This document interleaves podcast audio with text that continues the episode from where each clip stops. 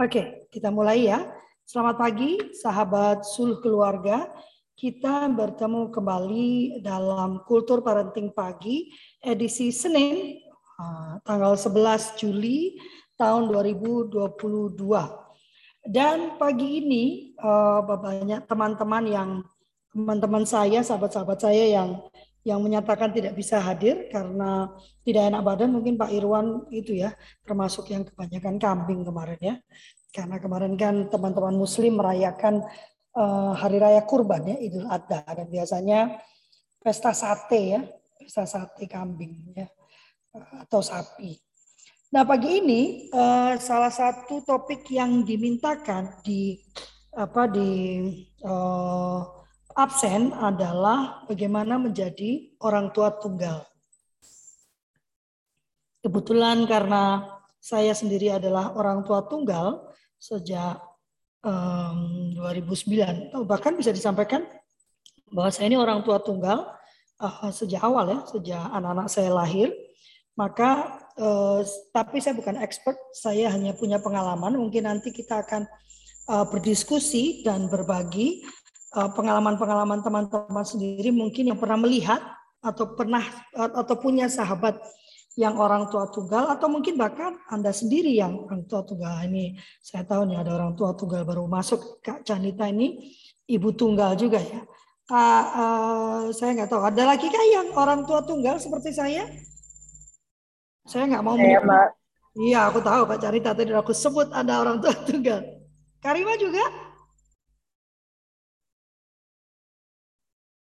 Siapa lagi yang orang tua tunggal? Ada Kak Canita, saya tahu beliau ibu tunggal. Ada lagi? Enggak ada, hanya kami berdua. Oh, Karima juga ya, Karima juga orang tua tunggal. Ya, kita bertiga nanti kita saling mengisi ya, eh, bagaimana pengalaman kita sendiri sebagai orang tua tunggal ya dari anak-anak kita ya. Uh, kita akan mulai uh, satu yang paling saya perhatikan ya. Uh, nanti mungkin Kak Dani bisa membantu memancing saya ya, karena sendirian masa saya ngomong saya moderatorin nanti nggak terpancing saya untuk berbicara ya. Uh, saya nggak nggak akan memberikan uh, PowerPoint karena tidak bisa menjadi sudut pandang expert karena saya bukan seorang psikolog. Saya hanya bisa memberikan sudut pandang pengalaman saya sebagai ibu tunggal ya, dan juga pengalaman saya sebagai uh, uh, perempuan yang punya sahabat-sahabat ibu tunggal dan mungkin ayah tunggal ya. Uh, saya harus mulai mengubah diri saya bahwa segala yang terjadi pada perempuan itu juga bisa dirasakan oleh laki-laki ya. Uh, satu yang saya rasakan uh, sebetulnya saya tidak kaget-kaget banget ya menjadi ibu tunggal ya karena sejak awal uh, mantan suami itu uh, tidak terlalu terlibat di dalam uh, pengasuhan anaknya dia lebih banyak terlibat dalam diskusi tentang konsep. Saya tidak mengatakan beliau ayah yang tidak baik ya, karena saya juga banyak berubah uh, konsep saya mendidik dan konsep saya uh, apa uh, menjadi orang tua itu setelah diskusi panjang lebar dengan dengan beliau pada saat saya hamil anak pertama ya. Salah satunya adalah eh, kesepakatan tentang kebiasaan membaca, lalu kesepakatan tentang bahasa yang digunakan dan bagaimana kami berinteraksi dengan anak-anak kami ya. Jadi eh, namun eh, sayangnya memang karena mungkin karena budaya ya, budaya yang memang tidak mengajarkan kepada laki-laki tentang pentingnya terlibat secara aktif ya uh, di dalam pengasuhan anak-anaknya, maka uh, bapaknya anak-anak atau mantan suami saya itu memang kurang terlibat ya sehingga pada waktu akhirnya uh, perpisahan itu terjadi sebetulnya saya uh, tidak tidak terlalu uh, kehilangan sosok kedua gitu ya di dalam pengasuhan anak saya. Namun yang bisa saya perhatikan dari apa yang saya alami dan dari pengalaman kami, pengalaman teman-teman saya setelah menjadi orang tua tunggal, yang pertama yang perlu teman-teman pahami tidak ada seorang pun yang berencana untuk menjadi orang tua tunggal. Kalau namanya rencana pasti kerinduannya adalah punya e, pasangan yang e, terlibat aktif dan mau menjadi pasangan yang sebenarnya ya atau ayah bagi anak-anak eh, kita ya. Jadi tidak ada yang merencanakan. Sama dengan tidak ada seorang pun yang merencanakan perceraian. Kecuali menikahnya memang kontrak. Kalau kalian kontrak kan sudah direncanakan ya. Ada beberapa eh, sahabat-sahabat saya yang uh, hanya bersepakat menikah selama beberapa tahun ya. Saya tidak ada di sini untuk menghakimi mereka karena saya hanya menyampaikan ada fakta-fakta demikian ya. Sehingga perceraian mereka itu memang sudah direncanakan. Sedangkan mayoritas yang bercerai itu bukanlah sesuatu yang direncanakan, bahkan bukan sesuatu yang diangankan. Penting saya menekankan ini karena satu yang paling sulit menjadi ibu tunggal terutama Uh, saya nggak tahu apakah ayah tunggal, moga-moga ada ayah yang bisa memberikan perspektif dari ayah tunggal ya. Uh, juga mengalami ini, saya juga kurang tahu ya. Tetapi menjadi ibu tunggal, apalagi ibu yang terlepasnya dari perceraian, itu uh, stigmanya yang luar biasa ya. Stigmanya yang luar biasa sehingga uh, uh, saya ya saya ya mungkin uh, saya nggak tahu apakah saya bisa menyebutkan kami apakah Kak Rima dan Kak Canita juga mengalami hal yang sama dukungan terhadap saya itu sangat minimum gitu ya uh, karena uh, dianggapnya memilih bercerai itu sebuah kesalahan bagi saya ya di pihak saya sebagai perempuan ya sehingga uh, istilahnya kalau untuk anak kecil tuh kayak biar merasakan akibatnya. Hmm, rasain kamu ya, karena kamu memilih untuk bercerai begitu ya. Lalu sehingga itu memberikan tekanan yang lebih dibandingkan pada saat kalau saya menjadi uh, istri, walaupun ya, walaupun kalau saya boleh menyampaikan saat, saat menjadi istri pun tekanan atas saya sebagai perempuan itu luar biasa ya Eh, tekanan untuk menjadi ibu istri yang sempurna itu luar biasa. Menariknya, tekanan terhadap laki-laki untuk menjadi suami yang sempurna itu uh, sangat minim ya. Uh, boleh dilihat dari uh, hukumnya saja ya. Beberapa dari teman saya itu uh, mendapatkan uh, boleh saya katakan pelecehan ya pada saat mengajukan sidang perceraian pada waktu dia berkata bahwa uh, apa uh, dia menuntut uh, uh, apa uh, tunjangan ya untuk anak-anaknya ya. Uh, dan juga saya lama-lama berpikir ya pada saat rumah tangga itu bercerai karena masalah ekonomi gitu ya biasanya kan itu yang paling di paling dihina-hina ya. Oh bercerai kok masalah ekonomi matre banget gitu ya. Tapi uh, uh, tidak bisa dipungkiri gitu ya pada saat uh, tekanan ekonomi itu begitu besar dan kita tidak melihat uh, suami kita itu melakukan usaha-usaha yang diperlukan. Dulu nenek saya pernah berkata bukan masalah berapa pendapatan yang dia bawa, tapi yang dia menjadi masalah itu apakah dia sedang berusaha. Nah, kalau sedang berusaha ya wajib didukung gitu kata nenek saya dulu ya. Uh, dan tekanan-tekanan ini membuat proses seorang perempuan menyesuaikan langkahnya menjadi ibu tunggal itu menjadi lebih berat. Saya bahkan melihat banyak teman-teman saya yang kemudian masuk ke dalam pernikahan kedua dan ketiga ya dan keempat gitu ya eh, dan cerai lagi ya pasti ya dua tiga empat ya cerai lagi cerai lagi ya karena eh, menurut saya karena dia menikah akibat tekanan-tekanan yang dia rasakan gitu ya. Eh, selalu dikatakan tidak baik perempuan dan memang eh, kalau menuruti apa kata orang-orang memang tidak baik ya. Seringkali saya mendapatkan eh, tawaran-tawaran nakal dari baik lelaki yang beristri maupun lelaki yang masih bujang gitu ya. Tapi tawaran nakal bukan tawaran baik-baik ya gitu. Ya. Nah, itu yang membuat kemudian perempuan bergegas itu mencari pasangannya Nah, sebelum benar-benar memulihkan diri dan sebelum benar-benar memahami uh, mengapa kita mesti ber, menikah, gitu ya, uh, bukan cuma untuk menyelamatkan malu, bukan cuma untuk uh, supaya ada yang membantu ekonomi kita. Saya rasa bukan itu tujuan menikah ya. Nah, yang satu yang satu adalah tekanan dari uh, uh, luar ya, yang sangat berat bagi para orang tua tunggal ini. Yang kedua adalah ekspektasi kita sendiri. Jadi baik ekspektasi terhadap kehidupan kita sehari-hari, tetapi lebih pada ekspektasi kita terhadap hubungan kita dengan anak-anak kita. Ya, uh, kalau biasanya dulu pada saat uh, masih lengkap ya, uh, apa kita punya waktu lebih untuk melakukan hal-hal ya misalnya membantu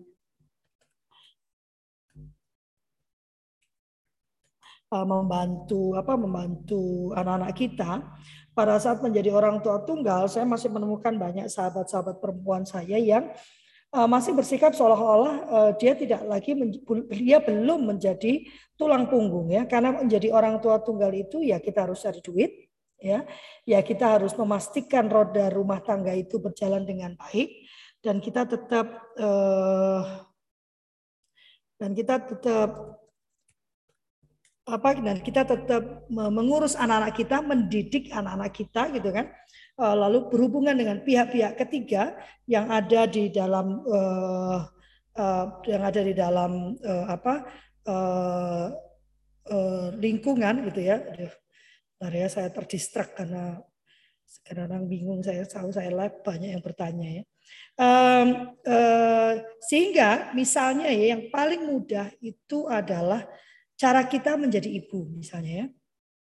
Banyak dari teman-teman saya yang masih menerapkan kehidupan yang yang uh, quote quote sempurna ya. Uh, tetap harus nyapu, tetap harus ngepel, tetap harus nyetrika, tetap harus uh, uh, menahi anak, tetap harus masak, tetap semuanya tetap mau dilakukan. Dan itu juga saya belajar dari awal waktu uh, masih dalam pernikahan tapi sudah berperan tunggal sebetulnya saya melihat bahwa itu sesuatu yang saya membaca buku, bukan hasil saya sendiri ya. Saya membaca buku, satu buku, buku saku gitu ya, eh, yang eh, menyarankan perempuan untuk menurunkan eh, ekspektasinya terhadap dirinya sendiri dulu gitu ya. Dari situlah saya mulai yang paling mencolok itu adalah menyetrika ya karena menyetrika bagi saya itu menghabiskan waktu yang cukup lama ya bagi saya. Ada orang yang nyetrika cepat, set, set, set, Kalau saya itu lama banget nyetrika itu ya, sehingga uh, itu menimbul sering kali menimbulkan rasa frustasi karena saya baru tahu kalau saya ini ADHD, sehingga pekerjaan yang membuat saya harus duduk diam selama waktu yang lama itu amat sangat menyiksa buat saya. Sehingga kemudian salah satu yang saya putuskan untuk tidak dilakukan lagi adalah menyetrika. Hanya baju-baju eh, tertentu yang saya setrika ya, yang lainnya tidak gitu ya. Lalu juga kebersihan rumah. Saya memilih membersihkan rumah di pagi hari, kemudian membiarkannya seperti apa adanya sampai anak-anak menjelang waktu tidur ya, eh, waktu atau mereka tidur siang, saya bersihkan lagi kemudian dibiarkan saja seperti apa adanya. Karena itu tadi kalau di dalam suluk keluarga itu diajarkan tentang prioritas ya. Dan saya memutuskan untuk memprioritaskan eh, interaksi saya dengan anak-anak dibandingkan eh, kebersihan rumah. Uh, sorry, kebersihan bukan kebersihan ya, artinya bukan rumah saya kotor banget itu enggak, tapi dibandingkan dengan pekerjaan-pekerjaan yang membuat saya tampak baik di luar gitu ya. Jadi misalnya kalau tiba-tiba ada teman datang ke rumah, waduh rumahnya rapi ya gitu ya. Nah, dan untuk menghindarkan itu maka saya jarang sekali mengundang orang datang ke rumah saya supaya tidak memberikan tekanan kepada diri saya sendiri gitu ya. Jadi memang uh, semua uh, agak egois ya kalau Fli ya. Iya karena uh, saya perlu menyelamatkan uh, kewarasan saya supaya saya bisa menemani anak-anak saya dengan waras ya. Eh, berikutnya adalah yang paling sering saya perhatikan itu adalah kemandirian anak. Ya, eh, beberapa sahabat-sahabat saya yang tiba-tiba menjadi orang tua tunggal itu masih enggan atau masih merasa sangat berdosa saat memberikan kemandirian kepada anak-anaknya. Yang paling gampang saja, Makanan di rumah tidak ada, maka harus masak sendiri. Belajar untuk masak sendiri. Belajar mengelola uang eh, belanja karena oh, ibunya harus bekerja sehingga tidak mungkin mengelola uang belanja. Belajar membayar listrik, belajar kalau di apartemen dulu ya, Eh, Kak Deli ini dia yang bagian datang ke kantor eh, apartemennya untuk membayar maintenance, membayar air, membayar listrik. Maka Kak Deli belajar untuk bertanya dulu berapa tagihannya supaya saya bisa meninggalkan uang ya. Kak Deli juga belajar bagaimana mengisi listrik kalau kita pakai eh, apa token ya. Saya saja baru tahu belakangan ini setelah anak-anak sering pergi ya Eh, lalu dia juga belajar mengelola uang. Jadi kalau zaman dulu itu ngobrol dengan Deli itu ngobrolnya itu wah, harga ayam yang naik kata dia ya. Mama itu dengan uang yang mama tinggal tuh nggak cukup ayam itu. Mama itu cuma dapat seperempat karena harga ayam sekarang naik. Jadi karena Deli yang waktu itu tinggal di rumah, saya dan Raka sudah bekerja di luar, eh, maka Deli yang menjadi ibu buat kami. Nah, kemudian juga kebersihan rumah ya, kemudian mencuci baju, hal-hal yang sederhana saja ya, yang kita agak merasa berdosa pada saat itu diserahkan kepada anak-anak seolah-olah kita ini sedang mempekerjakan atau eh, merebut haknya untuk bersenang-senang di masa kecilnya gitu ya, di masa mudanya. Tetapi ini sesuatu yang perlu kita sampaikan ke anak-anak. Jadi ya waktu itu saya sampaikan ke anak-anak bahwa sekarang kita cuma bertiga sehingga mama punya walaupun sejak dulu saya bekerja, tapi saya sampaikan mama punya kewajiban lebih sekarang untuk memenuhi kebutuhan kita bertiga. Maka agak sulit kalau mama juga harus tetap memasak, mama harus tetap mencuci baju, mama harus tetap membersihkan rumah, maka kalian harus uh, berkontribusi. Waktu itu saya sampaikan karena waktu itu saya punya mimpi untuk uh, mengambil beasiswa ya ke luar negeri. Saya katakan kalau di luar negeri itu nggak ada pembantu soalnya. Ya, jadi kita harus bertiga menyelesaikan urusan rumah. Ayo belajar gitu ya. Dan puji Tuhan belum terlaksana untuk ber, uh, bersekolah ke luar negeri mungkin segera ya. Moga-moga Tuhan segera memberikan jalan ya. Nah, uh, dan mulailah anak-anak belajar untuk mem membereskan rumah menyelesaikan pekerjaan rumah secara bahu membahu. Uh, langsung bagus kak itu juga yang perlu diturunkan ekspektasi saya terhadap kondisi rumah gitu ya. Uh, dulu waktu kak Deli belajar mencuci, wah itu sering sekali tuh baju saya rusak karena dia terlalu lama merendam lah, dia terlalu banyak memakai deterjen gitu ya. Ya uh, kita bisa memilih apakah kita memilih untuk marah-marah atau menghargai usahanya untuk uh, apa uh, membantu ibunya ya. Jadi dan saya memilih untuk menghargai usahanya membantu ibunya. Banyak mau baju saya rusak ya sudah gitu ya. Uh, mau bagaimana lagi gitu ya. Uh, lalu uh, berikutnya yang pertama tadi tekanan yang luar biasa, yang kedua ekspektasi kita terhadap diri kita sendiri. Yang ketiga, menurut saya sebagai ibu tunggal ya, uh, sistem yang ada di negara kita itu tidak membantu ibu tunggal atau orang tua tunggal lah, nggak usah ngomong ibu tunggal ya, tidak memba tidak mendukung orang tua tunggal. Misalnya ya, untuk mencari rumah kontrakan ya, eh, saya harus menghabiskan waktu untuk berkeliling, misalnya ya. Eh, waktu anak-anak masih kecil ya tetap ya saya yang harus keliling ya, mencari, bernegosiasi, sehingga itu menghabiskan waktu saya satu atau dua hari. Sebagai pekerja freelance, satu dua hari itu berarti sekian puluh ribu, enggak ya, juta ya, tapi sekian puluh ribu itu ya luar biasa ya. Atau uh, dulu itu dalam sehari saya menargetkan diri saya menyelesaikan film yang saya terjemahkan karena saya penerjemah itu minimum uh, saya mendapatkan antara 250 sampai 500 ribu sehari gitu ya. Uh, jadi kalau saya bekerja tidak bekerja dua hari, maka yang hilang ya antara 500 sampai 1 juta ya. Uh, dan itu cukup cukup memukul ya.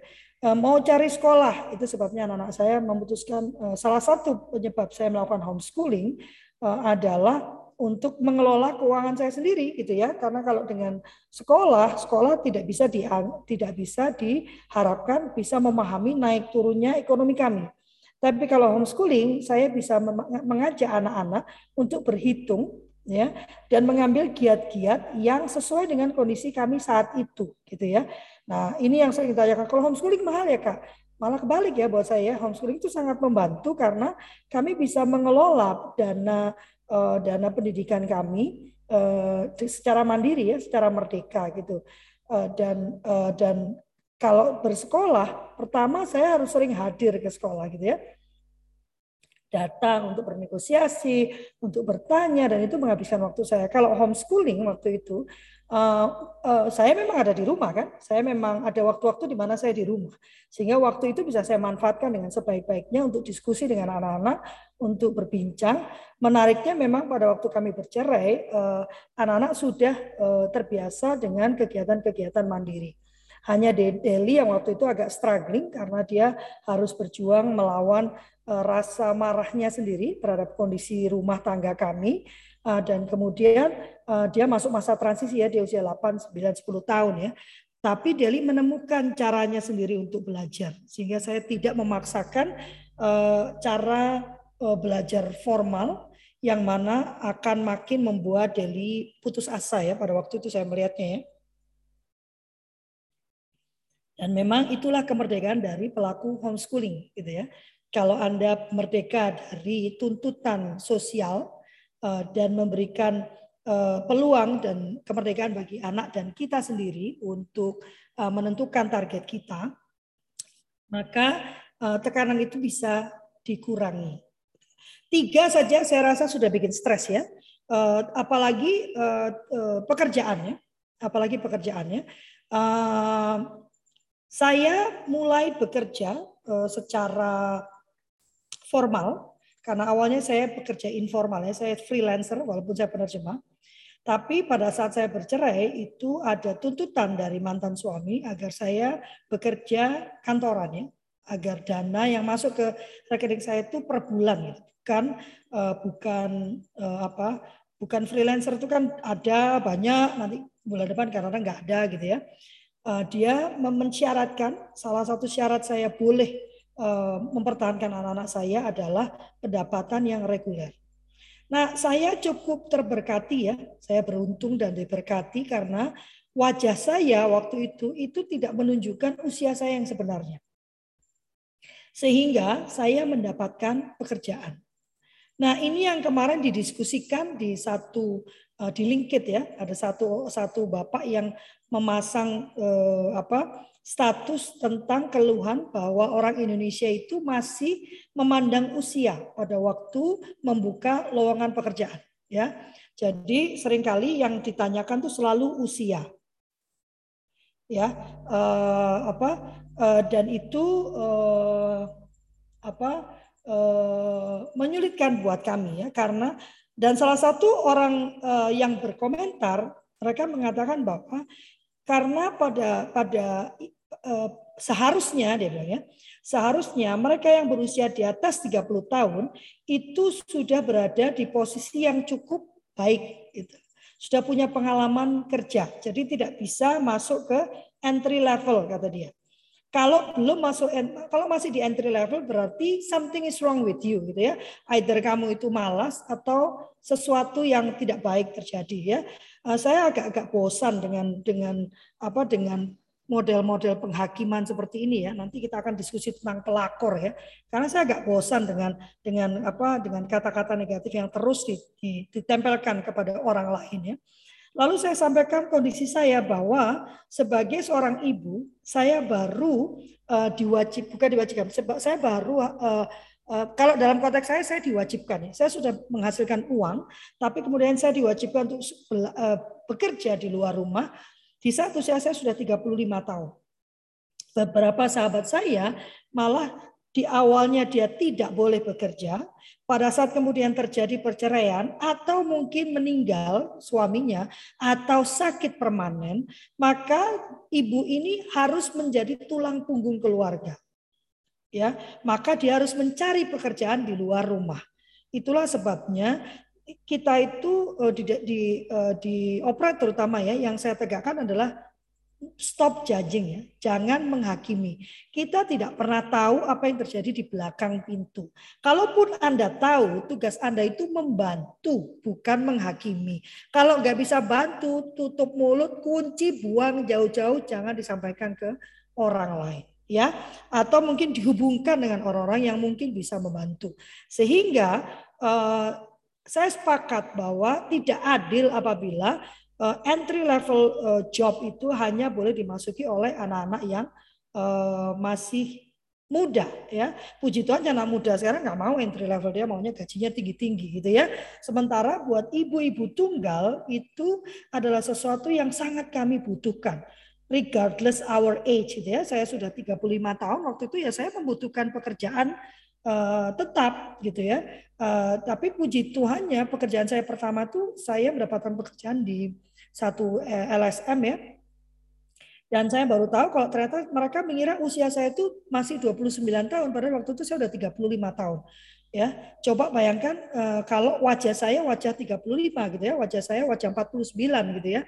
Uh, uh, tapi kan uh, harusnya kan tidak tergantung pada wajah saya gitu ya. Uh, tetapi entry level itu harus diberikan kesempatan seluas-luasnya uh, selama orang tersebut mau bekerja dan mau be belajar ya. Ini uh, apa? teguran ya buat saya sendiri pada karena sekarang kami mendirikan sekolah dan perusahaan ya uh, Suluh Bangsa Mulia. Saya tidak akan menghentikan siapa pun yang berusia yang berusia sudah mapan gitu ya, usianya saja mapan lalu ingin uh, bekerja di entry entry level di tempat kami, saya harus tetap memberikan peluang yang sama terutama bagi ibu-ibu tunggal. Empat itu saja ya, apakah ada yang mau bertanya, berbagi, mendebat ya ataukah ingin menyampaikan pengalaman yang dilihat atau bahkan dirasakan. Karima, Kak Canita mau berbagi? Kak Aryo ya. sudah membuka mic, silakan. Iya.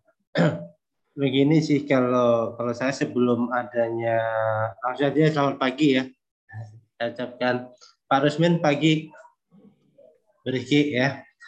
Pagi Pak Uh, Bunda, Ya, uh, saat kita itu berkeluarga kemudian masih masih berdua gitu ya, masih berdua itu jangan sekali-kali istilahnya antara uh, ibu dan bapak itu seolah-olah yang berkuasa gitu ya. Jadi misalnya contoh seperti ini, uh, udahlah biar biar papa aja bekerja gitu, istri nggak boleh bekerja nih. Nah, boleh-boleh aja, tapi kita harus bisa uh, melihat kembali apa sih yang akan terjadi apabila. Nah itu yang kita perlu tekankan seperti itu. Demikian juga bapak, uh, ibu pun juga udahlah, pak uh, biar ibu nanti yang ngurusin. Gitu. Tapi sebenarnya antara pekerjaan yang di dalam keluarga itu itu harus berdua, saling saling mengisi gitu. Sehingga apabila terjadi sesuatu di uh, masa yang akan datang gitu yang tidak kita ketahui kapan itu terjadi maka kita sudah siap untuk uh, melayani gitu ya anak-anak kita. Mungkin itu aja bunda. Terima kasih. Ya uh, uh, ya silakan kak Yuni. Menarik pendapat kak uh, kak Aryo ya. Silakan kak Yuni Baik, terima kasih. Selamat pagi semuanya. Maaf, ini lagi di jalan jadi nggak buka kamera. Nggak apa-apa. Uh, cuman izin berbagi seperti yang dikatakan Pak Aryo, benar sekali. Karena pengalaman saya, uh, saya berumah tangga ada tujuh tahun yang rumah tangga itu tidak bisa terbilang gitu. Dalam artian uh, suami saya waktu itu pecandu narkoba. Jadi uh, pada saat itu dia mungkin entah rasa cemburunya dia juga tidak membolehkan saya bekerja. Jadi benar yang dibilang Pak Aryo tidak usah mengikutkan ego gitu harus masing-masing hanya bekerja sendiri pada saat itu Bu saya tidak pernah menerima ibaratnya tidak pernah menerima uang uang bulanan atau uang apa dari suami saya menghidupi anak dua tapi saya bertahan gitu Alhamdulillah uh, pertahanan yang saya rasakan selama tujuh tahun dengan kesabaran itu sekarang suami saya uh, membaik gitu Bu. Jadi memang seperti yang dikatakan Pak Aryo yang yang jelas janganlah uh, kita ini egois ya Bu ya. ya. Egois. Uh, seperti Bu Lopli bilang tadi, dia tidak memilih menerima tamu. Jangankan tidak menerima tamu, saya memilih teman saja tidak Bu pada saat itu gitu. Jadi memang uh, bagaimanapun ya mungkin kalaupun jadi orang tua tunggal semangatlah kita dalam hal ini. Semangat karena uh, semuanya itu pasti ada jalannya. Walaupun uh, akhirnya entah kapan memang mungkin kalau menunggu itu sangat sangat lama rasanya ya kan Bu? Jadi saya hmm. pikir itu aja. Benar yang bilang Bu Aryo benar juga ini bilang Bu Lopli saya pagi ini menjadi tambah motivasi semangat ke depan terima kasih Bu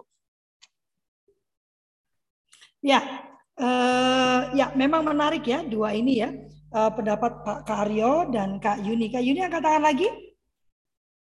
Enggak, enggak Bu. Terima kasih. Oh oke okay, oke. Okay. Ya, memang menarik ya.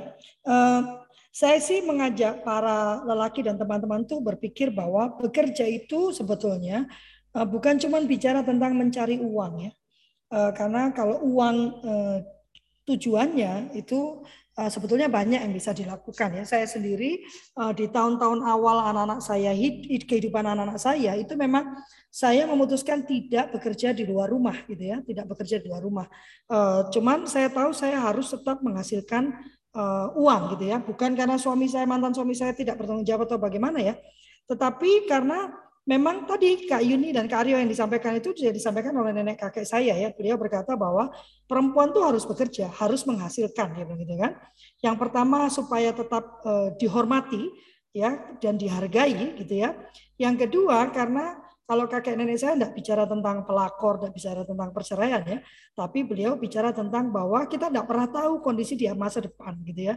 Eh, bisa saja suamimu eh, di PHK, atau suamimu sakit yang eh, berat begitu ya sehingga tidak memungkinkan dia untuk mencari uang. Pertanggungjawaban kamu terhadap anak-anak itulah yang harus tetap kamu laksanakan. Apa pun yang terjadi dengan rumah tanggamu, anak-anak itu eh, harus mendapatkan goncangan sesedikit mungkin. Dan saya sendiri punya pengalaman waktu eh, ibu saya tidak bekerja ya. Ibu saya itu memilih menjadi ibu rumah tangga jadi itu pilihan ya. Padahal banyak sekali yang bisa beliau lakukan. Eh, pada saat ayah saya kemudian tidak punya pekerjaan ya, eh, kehidupan rumah tangga itu eh, runtuh ya. Sejak hari itu saya berjanji bahwa anak-anak saya tidak akan pernah mengalami apa yang saya alami ya dikejar-kejar debt collector gitu ya digedor-gedor rumah sama orang-orang nagih gitu ya saya berjanji bahwa saya akan terus bekerja supaya anak-anak saya tidak mengalami apa yang pernah saya alami. Nah, jadi eh, perbedaannya pada waktu kemudian saya bercerai, eh, saya diminta untuk menghasilkan uang secara reguler.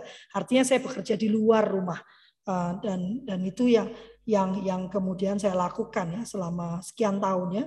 Sebelum anak-anak bilang udahlah balik ke balik ke pendidikan aja lah. Buat apa kita hidup mewah tapi mama nggak bahagia gitu ya anak-anak anak-anak menyampaikannya demikian. Yang penting kita kan bahagianya ngumpul mah, bukan masalah makan enak atau enggak enak ya dia bilang gitu. Ya itulah saya kembali lagi ke ke bidang yang saya cintai memang di pendidikan dan di parenting. Ada lagi? Jadi saya sepakat ya, eh, eh, apa? Ayo beri kesempatan yang sama kepada laki-laki dan perempuan untuk bisa mempraktikkan ya dan menjadikan dirinya manusia-manusia yang bermanfaat. Loh Bu, Kak, jadi ibu itu kan bermanfaat ya. Dia ngurusin anak loh. Yes. Saya tidak mengatakan jadi ibu itu tidak bermanfaat ya. Eh, bagi saya kalau saya memperkenalkan diri, yang pertama saya sampaikan adalah saya ibu dari dua orang anak ya. Ibu tinggal dari dua orang anak. Tetapi eh, sebagai manusia menurut saya setiap manusia itu punya kewajiban yang sama untuk menjadi berkat bukan hanya di dalam keluarganya tetapi juga untuk lingkungan sekitarnya. Kak Canita sudah buka kamera, mau berpendapat? ya apa mau kasih sharing aja kak jadi uh, memang mungkin kalau idealnya gitu ya di awal kita gitu cuman memang uh, apa banyak yang kemarin minggu lalu ya mungkin kak Maria ya kak ya yang sharing bahwa banyak orang-orang seperti saya yang tidak siap. Bukan nggak bilang korban sih, tapi karena menurut waktu itu tuh ya urusannya uh, mungkin ke, emang kesiapan. Aku juga tahu bahwa kita kalau mau berkeluarga mesti siap tuh jiwa apa uh, sepenuhnya tubuh jiwa roh gitu ya. Tapi terus uh, karena adat gitu kan adikku tuh dua-dua udah udah siap menikah lah gitu adikku dua-dua menikah dan aku anak pertama perempuan dari adat Jawa itu kan katanya kalau nggak nikah anak perempuan pertama nggak dinikahin gitu ya. Um, mencoba untuk sepakat waktu itu juga nggak rohani rohani banget bawa ke doa juga ternyata Tuhan lancarin semua gitu loh sampai ya akhirnya uh, apa namanya badainya dimulai 2012 2013 gitu ya. Tapi memang uh, balik lagi kita nggak bisa nggak uh, bisa curiga sama mencipta ya kenapa semua harus terjadi. Tapi memang karena balik lagi itu kesehatan mental kita, kesiapan kita gitu ya pada saat kita sadar kita mesti beresin, kita harus beresin. Masih nangis. karena hari ini pun aku terpaksa harus tinggalin kedua anakku di Jakarta karena aku lelah kak. Hmm. Lagi kondisi lelah karena setiap kali aku, kita deal, anak aku dan anakku deal itu dihancurin oleh kondisi yang lebih tanya, lebih mudah buat anak-anak untuk menikmati gitu. Padahal aku bilang nak begini nak begini, iya. Hari ini aku ter, semalam aku terpaksa ninggalin anakku kan aku bilang cukup sampai di sini sampai kamu ngerti mama bener-bener harus jalanin sendiri karena kesepakatan kami uh, apa um, bukan saya menyalahkan bukan bukan saya bilang saya ini ya uh, tidak menginginkan pernikahan itu. Saya menginginkan tapi tidak pada waktu yang tepat, tepat maksudnya tidak kondisi saya siap tubuh jiwa roh gitu. Bahkan setelah menikah pun sebenarnya dealnya setelah menikah pun tuh dealnya saya mau kerja dulu sama suami gitu. Karena mama mertua itu kan di Amerika kami saya mau disekolahkan untuk uh, apa namanya perawat ya perawat uh, orang tua gitu ya. Pokoknya seperti itu. Dan saya bilang oke okay, oke okay, saya mau ke sana gitu. Setelah nikah pun ternyata dibatalin. Hanya karena suamiku mendengar mamahku ingin cucu. Itu kan sebenarnya Tuhan ini gimana? Kalau saya sekarang bisa bilang begitu ya dulu gitu ya. Tapi ya um, aku sih bilang gini, udah itu semua sudah terjadi sekarang apa terjadi tapi aku juga bilang ehm, aku mesti survive. Puji Tuhan, aku punya banyak teman dan aku orangnya emang nggak bisa diem. Mungkin aku mungkin Mbak aku ada adik-adik juga karena emang orangnya nggak bisa diem. Jadi ke Bali pun sekalipun kami pindah ke Bali waktu itu suami kerja yang hasilnya nggak jelas juga saya tuh mulai dengan cuman jadi nail art apa jadi tukang kuku ngosek-ngosek kaki orang gitu ya itu aku lakuin itu pun dapat dapat makian dari keluarga terutama gitu. Tapi ya aku bilang nggak masalah lah gitu. Dari situ pun aku coba hidupin anak-anak gitu kan semua. Jadi sejak sejak menikah sampai sekarang aku sadar bahwa aku tetap harus menghasilkan. Aku tuh dulu kerja sampai harus karena nurut nurut sama suami gitu kan ya. Nurut sama keluarga. Dan itu seperti kayak di apa ya alam itu seperti me, mm, meloloskan semua gitu ya yang kenapa ya? Kok oke? Okay, apa salahnya ya? Gitu. Apa apa ada yang salah ya? Gitu. Tapi ya Tuhan kemarin bilang di apa bilang Galatia di Galatia jangan jemu-jemu berbuat baik. Ya oke okay lah gitu nggak boleh curiga. Tapi uh, tapi ya di, hari ini aku agak sedihnya karena tetap du, apa se, se, se, seberat apa usahaku gitu se, sekuat apa tenagaku gitu ya uh, aku harus terpaksa harus lakukan sesuatu yang di luar gitu ekspektasi itu meninggalin anak-anak. Bukan berarti aku meninggalin mereka. Saya mau kasih pendidikan anak kita ada sepakat dan mereka berkali-kali jatuh berkali-kali mereka nggak mau sepakat. Dan aku capek gitu loh perang sama uh, perang sama uh, kondisi yang kondisi yang aku nggak bisa lawan untuk saat ini gitu loh. Karena aku struggle aku coba gitu. Tapi ya udah nggak apa-apa. Aku sih uh, itu sih kak. Jadi kamu nggak mau nyalahin keadaan tapi aku cuma aku sharing pagi hari ini memang nggak mudah gitu. Memang dari adjustmentnya dari semua. Tapi emang kak cerita ya, dari mana sekarang? Aku lagi di Bekasi. Anak-anak aku tinggal di Jakarta. Yang cowok yang paling besar sama paling kecil. Kalau yang cewek kan aku kirim kebalikan karena memang diminta pelayanan di sana gitu. Oh. jadi ya diminta pelayanan di sana. Dan memang sebenarnya tahun lalu harusnya kami ke Bali banyak lah kak banyak hal yang lagi ini karena pemimpin di sini masih butuh saya tapi uh, pemimpin yang operasionalnya nggak sepakat sama pemimpin paling atas. Jadi saya pegang sama yang paling atas saya coba ayo apa dikerjain? Jadi ya, harus aku selesai. Sebenarnya udah selesai cuman ya itu yang aku bilang ada uh, sekolah yang ininya aku coba bantu di situ. Gitu loh kak. Gitu. Sebelum saya pulang kembali Iya. iya. Jadi ya itu ya uh, sekelumit ya itu juga uh, apa uh, salah satu alasan kenapa saya mendirikan operet ya banyak sekali apa ya tekanan yang dirasakan oleh perempuan ya. Uh, tapi saya nggak mengatakan laki-laki tidak merasakan tekanan yang sama ya.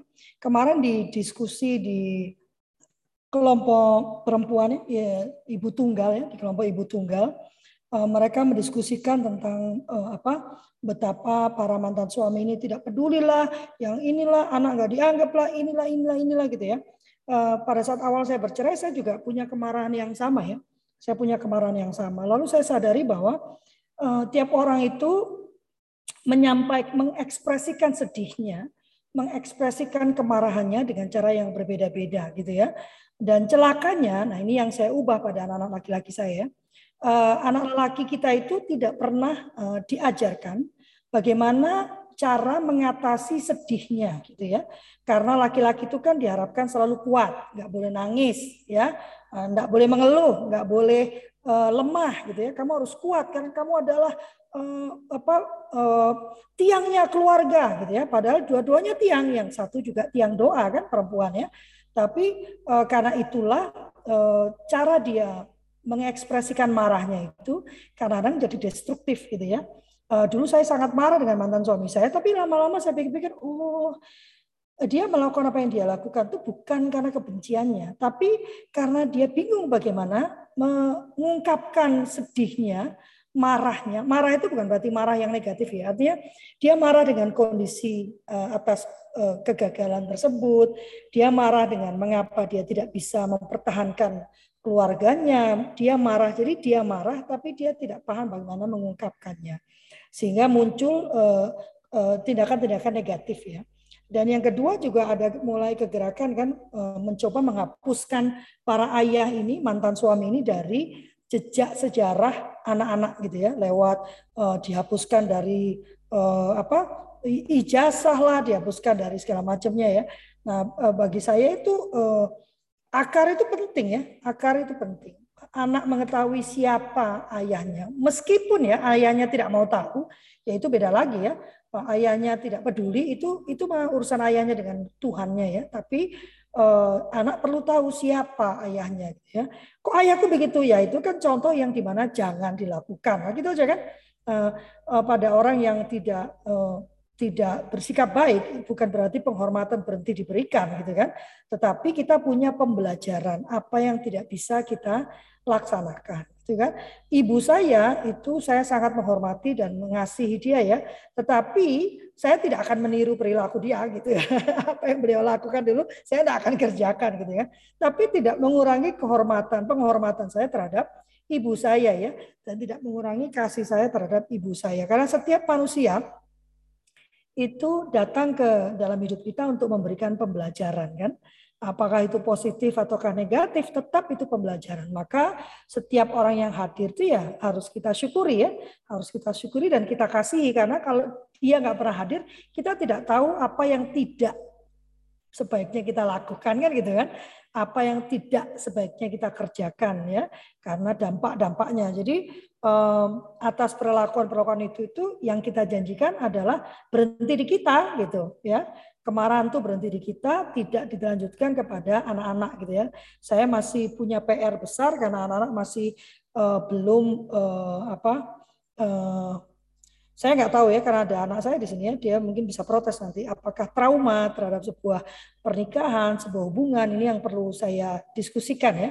Uh, karena mereka berdua masih nyantai-nyantai aja gitu. Orang lain sudah heboh dengan aduh mau ini ya mau apa mau mantu gitu ya. Kalau anak-anak saya masih nyantai balai gitu. Walaupun yang besar sudah punya pacar ya tapi masih nyantai gitu dengan kondisi-kondisi seperti itu. Nah itu yang perlu terus saya diskusikan termasuk jadi sambil menyembuhkan luka batin dan mental anak-anak saya juga menyembuhkan diri. Jadi uh, berhenti juga menganggap bahwa saya harus terdepan dari anak-anak saya. Saya adalah pelindung yes gitu ya. Tapi kita bisa memulih bersama-sama gitu ya Kak Canita ya. Jadi bisa belajar bersama-sama dengan anak kondisi yang baru gitu ya. Karena kalau anak saya dulu bilang yang cerai kan dirimu ya. Uh, kok jadi saya yang harus? gitu ya. Nah Eh, bawaannya itu bukan ke ke, ke perceraiannya gitu ya. Jadi membawanya itu ke ke kepentingan mereka. Itu sebabnya yang saya pakai itu persiapan untuk hidup di luar negeri ya karena kami bertiga. Nah, mereka exciting kan mau tinggal di luar negeri kan senang ya. Nah, jadi kenapa saya tetap di Jakarta? Karena kemudian anak saya yang besar bilang kalau mau pindah pindahnya ke luar negeri. Aku nggak mau pindah kota gitu ya. Ternyata dia yang pindah ke Bali kan, nyebelin ya. Kak Carita tadi mau menyampaikan sesuatu? Iya. Uh, iya sih Kak, makanya mau tanya aja. Kan dengan kondisi seperti ini memang aku healing. Apa, nyoba untuk, aduh, sana sih selalu pengen nangis. Ya nggak apa-apa. pengen apa, pengen perfect gitu. Karena tuntutan tuntutan ya. dari kecil aku perfect perfect perfect gitu ya mbak ya. Jadi gini loh setiap kali aku uh, kenapa dulu aku kerja terus tiba-tiba aku ini karena papaku memang kerja kerja di rumahan. Mamaku maksudnya kerja wira swasta apa aja dikerjain gitu ya. Kalau mamaku kan memang kerja di rumah gitu. Uh, jadi apa pun kalau bisa kamu kerjain sendiri. Aku pikir gimana ngerjain di production house terus senengnya di media gitu kan ya terus ngerjain sendiri gitu. Aku nggak nangkep tapi ya udahlah abis itu daripada tengah ocehan udah deh bikin apa singkir-singkirin dari keinginanku gitu ya. Sebenarnya ke rumah akhirnya ya semua harus bisa dikerjakan sendiri gitu. Hmm, berdua aja merasa sendiri gimana sekarang sendiri gitu ya kayak ya. tambah tiga orang tapi ya ya Tuhan mampukan sih memang. Cuman memang dengan kondisi seperti itu nih kayak hari ini aku harus tinggal. Itu perbuatan yang apa mungkin dianggap orang aneh ya ngapain sih lu pakai tinggal? Kenapa? Karena saya harus bikin kesepakatan bagian dari saya mendidik anak-anak dan anak harus rasain. Karena sudah berulang kali kalau ke rumah oma omanya tuh bisa begini begini begini. Mama nggak mau cuma danterin ke sana terus kamu cuma tidur makan tidur makan ya kan? Padahal mama oma saya oma kamu tuh e, banyak banyak yang bisa digali. Dia jago jahit, dia jago urusan tanaman, apalagi sekarang kita suruh banyak belajar tentang tumbuhan gitu ya, mengobati dengan herbal atau bagai apa pun yang di sekitar kita gitu kan. Kita harus punya ya persediaan deket-deket lah gitu kan ya yang deket apa e, kunyit apa gitu-gitu. Ya. ya pokoknya untuk seperti itu. Dan diajar diajar untuk punya lahan yang walaupun sekelumit bisa menghasilkan untuk makan sendiri gitu kan ya. Kayak gitu-gitu. Ayo omanya tuh jago begitu begitu mamanya aduh kalau mama mah aku sudah sudah ini karena memang aku nggak nggak nggak pernah ingin. Dan kalaupun dulu di taman ngeliat mama gitu aku cuma ngeliatin dari jauh karena males dengan ocehannya. Gini gini deh. Nah, jadi uh, aku suruh anak-anak yang maju gitu kan.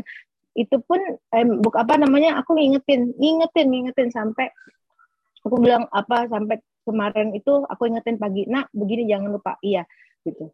Siang aku diemin aku lagi belajar sesuatu juga aku aku ngerjain sesuatu di di rumah gitu di rumah oma di rumah omanya dan sore jam 6 saya tanya gimana? Mana laporan? Mana apa yang kamu pelajari? Aduh iya lupa. Itu tiba-tiba udah ya stop ya. Kamu memang kalau memang di sini mau seperti ini dah jadi itu udah karena udah berkali-kali kak kami di sini kan juga udah empat tahun gitu ya. Terus uh, jadi uh, saya pikir waktunya nih saya pikir karena berkali-kali saya hardik mereka tuh saya karena belas kasihan saya bawa lagi gitu kan berkali-kali kali ini walaupun orang tua saya ngomong apa bodoh saya nggak bukan saya pinggir saya singkirin dulu. Tapi saya bilang saya ngomong sama anak-anak saya kamu uh, begini karena begini be karena kita punya sepakat kita punya ini kita mama nggak pengen kamu kehilangan segala apa yang seharusnya gitu kan karena kamu passion memang di situ. Tapi karena kamu ngelihat ada fasilitas yang apa mau kamu nikmati malah kamu terlena sama situ. Boleh bukan nggak boleh.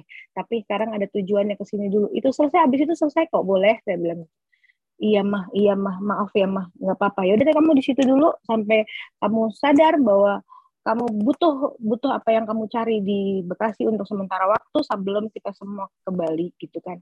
Kembali ke Bali. Atau atau ya memang apa pun di mana pun Tuhan. Tapi sekarang kan karena adiknya di, udah di luar ke sana gitu. Pikiran kami untuk saat ini mungkin balik ke Bali gitu. Itu sih Kak. Jadi uh, saya sih cuma bawa dalam doa lah, nggak ada kuasa yang lain selain doa orang ibu. Jadi ya. ini Kak, gitu. uh, ini juga pelajaran yang baru saya terima ya dari anak saya yang kedua ya. Setiap anak itu rupanya punya fasenya sendiri ya. Setiap manusia sebetulnya punya fasenya sendiri. Ada yang cepat, ada yang lamban gitu ya. Uh, Uh, tapi tidak akan belajar kalau diletakkannya di tempat yang memang nyaman gitu ya. Tempat yang nyaman tuh ya dijadikan tempat istirahat saja, liburan gitu ya. Kalau di rumah nenek enak tuh makanan udah tersedia ya, nggak perlu nyapu, nggak perlu ngepel, nggak apa-apa kan ah, boleh ya. Anak saya yang besar itu uh, kemarin saya sampaikan kan, kalau di rumahnya sendiri rajin benar dia nyapu ngepel ya, tapi kalau pulang ke rumah, waduh, udahlah dia seperti seonggok ini ya, seonggok apa apa Eh, karung ya, karung beras gitu, nonggrok aja gitu ya, sama sekali nggak mau ikut. Nanti cuma ngomel, dek, kok kamu belum nyuci baju? Bajuku habis nih, gitu kan. ya. Tapi waktu saya tanya, kok kakak nggak ini sih nggak nyapu kayak ngepel kayak gimana kayak di rumah? Kan aku di sini liburan, dia bilang itu. Ya mungkin itu juga yang dianggap oleh anak-anak ya, itu satu gitu kan. Dan uh, uh, kalau pada kasus Kak Deli ya, Eh, dia memang punya fasenya sendiri ya. Kalau Raka di usianya itu dia sudah ke mana-mana, Deli masih mencari apa yang menjadi uh, passion dia gitu kan. Uh, Dan saya memang beberapa kali tergoda untuk bilang, mama dulu ya dia. Karena si usia dia, saya sudah punya anak satu ya. Di usia anak saya yang terbesar itu 26 tahun dia sekarang. Saya sudah punya anak dua ya, sudah anak kedua anak saya gitu ya. Tapi kan kita tidak bisa membandingkan saya dengan eh, anak-anak. Uh, saya kadang-kadang ini juga yang menurut saya jadi pembelajaran ya. Walaupun dia melihat saya bekerja 24 jam banting tulang kanan kiri, itu tidak menjadikan dirinya menjadi saya. Saya nggak mencetak dua orang mini saya gitu ya. Dia tetap punya fasenya sendiri gitu. Saya cuma bilang kemarin, saya bilang sama Raka kan, Mama cuma takut ya nanti kalau Mama mati, Dede gimana ya gitu. Jawaban dia cukup penohok menurut saya. Eh, kakaknya cuma bilang, kan ada aku. Oh iya benar. kan ada aku. Kenapa mesti dibingungkan gitu? Ya? Oh iya. Benar ya. Sementara saya bilang ke adik saya, ke, adik, ke adiknya, jangan harap kamu ya nanti kalau kamu kalau mama nggak ada, siapa mau ngurus kamu? Kakak akan punya keluarga gitu ya. Uh, dan ini hal-hal yang kadang kita sebagai orang tua itu over uh, worry gitu ya, terlalu cemas gitu ya. Padahal uh, anak-anak kita itu kan sudah kita equip dengan segala kebaikan, didoakan pula gitu ya. Sudah dikasih equipment ya, segala kebaikan, sudah didoakan gitu ya. Kita harus percaya bahwa uh, dia akan berkembang dia akan uh, bertumbuh dan berkembang, berbuah malah pada waktunya sendiri gitu ya. Uh, terus saja berdiskusi, terus saja dia mencari apa yang menjadi passion dia. Uh, puji Tuhan, puji Tuhan uh, berapa berapa bulan yang lalu Deli mengatakan bahwa dia memutuskan untuk membantu saya mengembangkan perusahaan usaha yang sedang saya rintis ya, Sulu Bangsa Mulia ini. Ya akhirnya digeber lah ya, saya tularkan semua kemampuan saya ya Eh, kepada Delhi itu. Kecepatan menyerapnya ya itu saya tidak bisa mengatakan dia harus secepat saya menyerap ya, tapi Delhi punya kecepatannya sendiri. Artinya Kak Canita, jangan pernah tinggalkan anak Kak Canita gitu ya. Kalau mau ditinggalkan tuh satu jam dua jam aja, jangan ditinggal gitu ya. Eh, karena itu perasaan ditinggal itu sesuatu yang saya terus eh, berjuang untuk hilangkan sampai saya bercerai ya. Jadi ketakutan utama manusia itu ditinggalkan, gitu ya. Ketakutan utama dan itu yang kadang-kadang kalau orang tua kita tuh dulu secara nggak sadar ya, ya sudahlah kamu nakal, mama tinggal aja kamu gitu ya. Udahlah, kamu ini ya. Saya pun kadang-kadang masih menyebutkan itu ya. Uh, saya nggak mengatakan saya sudah sempurna ya. Tapi saya berusaha keras untuk tidak mengatakan karena itu yang membuat saya selalu takut ditinggalkan.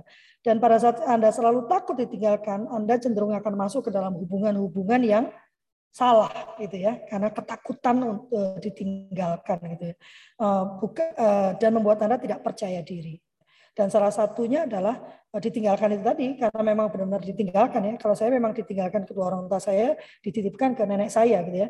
Itu yang membuat saya tidak pernah menitipkan dua anak saya kepada siapa pun gitu ya karena saya berharap itu akan uh, mengurangi rasa ketakutannya. Kak Aryo, uh, setelah ini kita tutup ya, sudah jam 8.02. Silakan Kak Aryo. Ya, uh, terima kasih Kak. Sebenarnya sih di dalam uh, apa ya penanganan keluarga yang paling penting kita sebagai orang tua yang pertama adalah uh, memahami kondisi anak, yang kedua memahami tentang perkembangan atau psikologi perkembangan dan pertumbuhan anak, yang ketiga, memahami uh, kondisi pergaulan anak sehingga kita akan mampu uh, memberikan pembelajaran uh, bagaimana sih yang sebenarnya yang harus terjadi. Nah, kemudian ditekankan pada anak itu sendiri uh, dengan santai ya, jangan sampai uh, menghakimi atau menunjukkan kita itu power jadi sebagai orang tua gitu. Kamu harus begini, harus begitu gitu. Tapi diajukan sebagai sebuah pertanyaan apa sih maksud dan tujuan kita, tujuan kita ke mana. Nah, kita pelan-pelan karena apa? Uh, anak satu dan dua itu pasti mempunyai uh, kebiasaan dan karakter yang berbeda. Itu uh, yang perlu kita harus pahami, baik itu sebagai seorang ayah maupun sebagai seorang ibu. Yang ke ya selanjutnya, uh, misal masih ada bapak ibunya ya, tapi ya itu juga harus uh, mempunyai tujuan yang sama gitu kita bicarakan seperti yang Kak Loi bilang tadi uh, tidak ada kesamaan ya, tidak ada kebersamaan antara orang tua laki atau seorang bapak dan ibunya, sehingga akan membuat uh, bingung terhadap anak itu sendiri mau ke mana gitu. Mungkin itu aja kak, kasih. Ya, itu sebabnya parenting itu sebuah keilmuan, bukan bicara insting. Gitu ya. Uh, mud, uh, saya tidak mengatakan mudah, tapi uh, perjalanan saya itu lebih uh, bisa dilewati karena saya berlandaskan pada keilmuan ya. Ilmu yang dipadu dengan rasa ya. Tapi kalau tidak ada ilmunya yang ada stres kita melihat perkembangan anak-anak ya Misalnya ya, saya tidak pernah mengalami pemberontakan anak-anak saya karena sejak awal saya saya sudah belajar tentang tumbuh kembangnya. Sehingga eh, pertama saya sudah mengantisipasi tapi eh, ternyata dengan eh, dengan pemberian dengan penghargaan atas kemerdekaannya terus mengajak mereka berpikir kritis analitis eh, pada titiknya mereka berpendapat nggak perlu berontak. Yang diperlukan adalah berbicara dengan mama dan memberikan alasan yang rasional maka yang kita inginkan akan diberikan gitu ya. Jadi nggak perlu berontak, tapi mereka akan mencari rasionalisasi dari uh, usulan kegiatan mereka itu gitu ya. Kenapa kok enggak mau? Mau aku mau nginep di rumah teman aja. Karena saya tuh paling tidak suka anak saya nginap ya. Saya sendiri jarang sekali menginap. Eh, mau pulang malam silahkan gitu ya. Jadi saya tidak membiasakan udah nginep aja gitu ya. Eh, nah kalau tiba-tiba mereka mengatakan mau menginap, nah itu ada rasionalisasinya. Karena ma kan itu selesainya jam 2 pagi. Kalau aku pulang ma begini begini begini eh, itu urusannya pekerjaan ya. Dan saya juga Raka dulu pulang jam satu gitu ya. Asal ada rasionalisasinya. Karena saya melihat anda nyuruh anak pulang jam 11 gitu ya. Tapi acara dia selesainya memang jam 12 jam setengah satu gitu ya. Itu hal yang tidak mungkin gitu kan. Lebih baik diskusi tentang mengapa tidak boleh ikut acara itu all, all together daripada boleh tapi suruh pulang lebih awal gitu kan. Sementara kita tahu acara-acara itu asiknya di belakang bukan di awal gitu kan. Jadi ya perlu diskusi gitu dan perlu memahami konsekuensinya. Kalau mau terbuka dengan anak ya eh, bersiap dengan semua pembicaraan mereka dan bersiap untuk uh, apa membaca dunia itu dari uh, diri uh, diri apa diri dari kehidupan dia ya. Uh, jangan dari kehidupan kita di masa lalu. Apa yang sudah menjadi sesuatu yang saat ini kita diskusikan dan selalu diterapkan ke kebaikan dan keburukan bagi dirinya bagi keluarganya nanti bagi lingkungan dan negaranya gitu. Selalu mulai dari dirinya. Apa sih untungnya buat kamu kalau melakukan ini? Oh ini mah oh oke. Okay. kalau untuk kami untuk kita, untuk lingkungan bagaimana. Jadi anak-anak terbiasa untuk melihat segala sesuatu itu dari uh, dari tahapan itu. Dirimu sendiri apa yang dirasakan. Sudah jam 8 lebih 7 ya.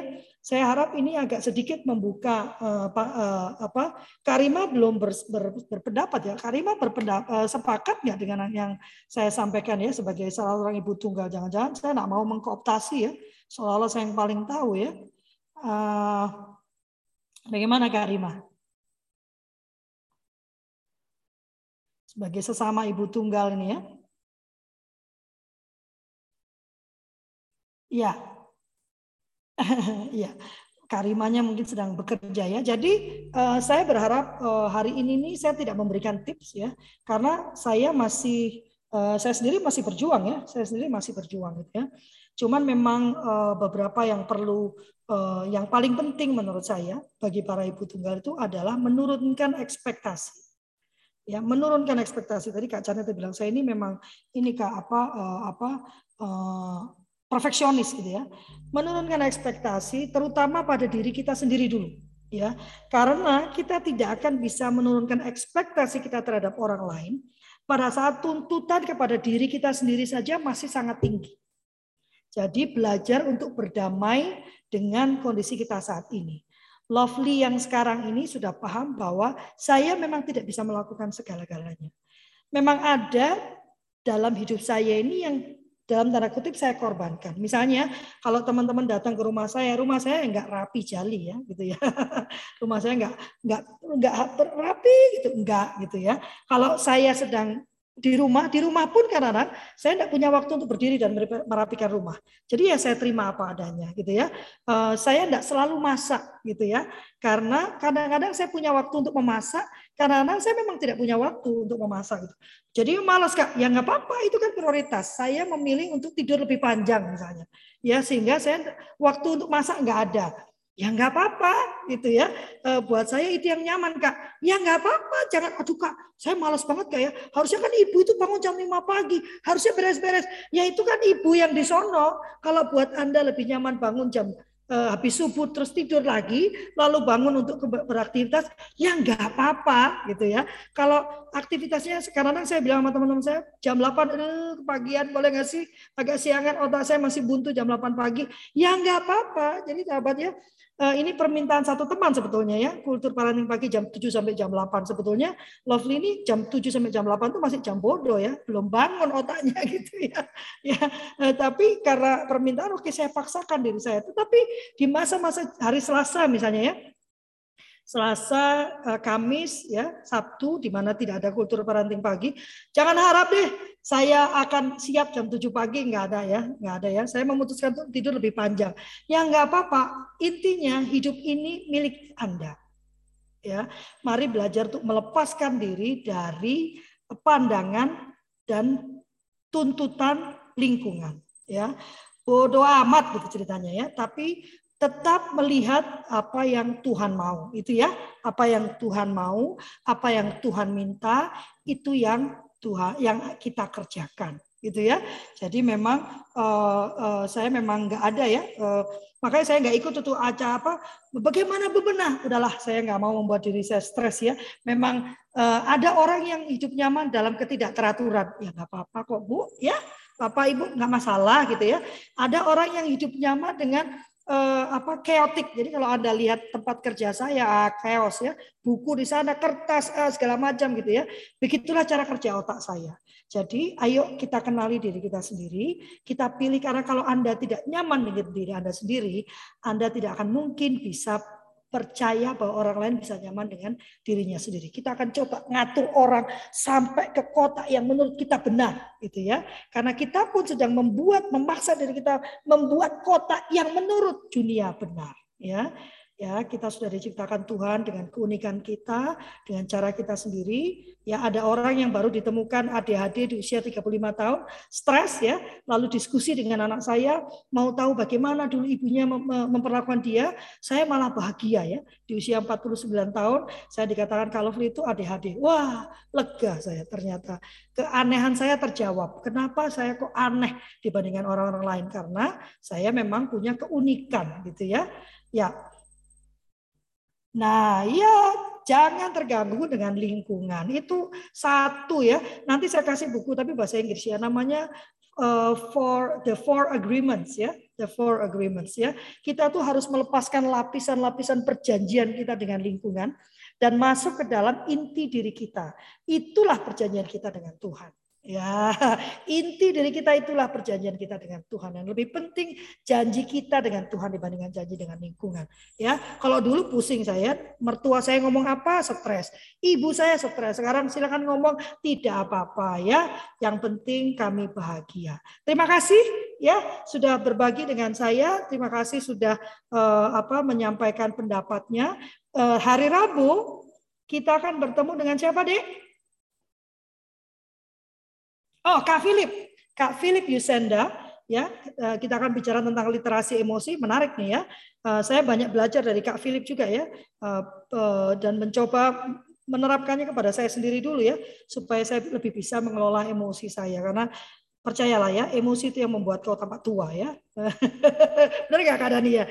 Makin kita bisa mengelola emosi kita, makin awet muda. Bukan ini ya, bukan apa uh, masker segala macam enggak. Kelolaan emosi kita yang membuat kita makin muda.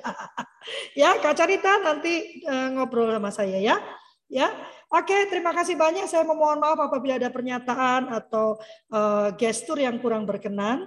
Saya tidak ingin uh, memojokkan, tidak ingin uh, merendahkan. Ya, ini yang paling saya coba hindari. Saya tidak ingin menghakimi, gitu ya.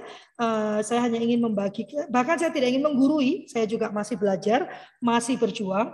Hari ke hari saya terus belajar dan merefleksikan diri dari apa yang dikatakan anak-anak saya setelah mereka dewasa, ya Uh, tapi saya hanya ingin membagikan apa yang menjadi keyakinan saya ya dan yang coba terus saya terapkan di dalam kehidupan saya sehari-hari ini. Ada beberapa yang terus menyampaikan pendapat di ini ya luar biasa ya. Iya Ya benar, ekspektasi terhadap diri sendiri sebagai beban wanita, istri dan ibu. Benar Kak ya. Jadi ayo kita mencoba berdamai dengan diri kita sendiri ya, menerima kita apa adanya karena percayalah kalau kita tidak bisa menerima diri kita apa adanya, kita akan sulit memandang pasangan kita dan menerima semua kelemahan dia. Ya, nanti juga ke anak juga sama ya. Itu juga menurut saya salah satu penyebab saya memutuskan untuk berpisah karena ketidakdewasaan saya ya, bukan mantan suami saya. Ketidakdewasaan saya di waktu itu untuk melihat kekurangan-kekurangan beliau ya. Terima kasih banyak. Eh, kita akan bertemu lagi. Oh ya, eh, masih ada kegiatan fun English ya eh, di Metaversa. Pak Rus Padani mau ikut coba masuk dan melihat interaksi dengan anak-anak. Ini sudah batch ketiga, monggo. Boleh, boleh. Untuk tiga hari selama dua jam anak-anak eh, belajar bahasa Inggris di dalam pulau simulasi. Jadi sambil belajar bahasa Inggris, belajar tentang uh, um, uh, climate change ya, tentang climate change selama tiga hari, lalu berdiskusi dan membuat pledge ya, membuat uh, kesepakatan dan janji diri dan janji lingkungan terkait dengan climate change. Hanya dengan 400 ribu rupiah Anda mendapatkan tiga, tiga hari anak-anak ya, lalu dapat MOOC ya dan dapat diskusi selama tiga hari. Ada diskon khusus kalau anak-anaknya mau ikut di hari ini ya, diskon silakan hubungi Kak Deli. Terima kasih banyak Kak Deli dari foto. Hatinya diberikan ayo. Kak, loh, itu Kak Kerlim sudah pergi ya?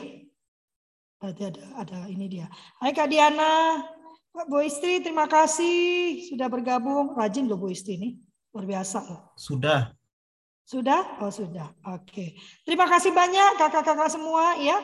Uh, uh, saya mengucapkan terima kasih dan wassalamualaikum warahmatullahi wabarakatuh. Tuhan memberkati. Terima kasih Kak. Yo Kak Canita. Kamu biasanya WhatsApp aku kok nggak WhatsApp? galau-galau. Siap, siap. Hmm. Iya, Kak. Makasih banyak banyak ya. Kak Yuni. Ya, siap. Saya pamit ya.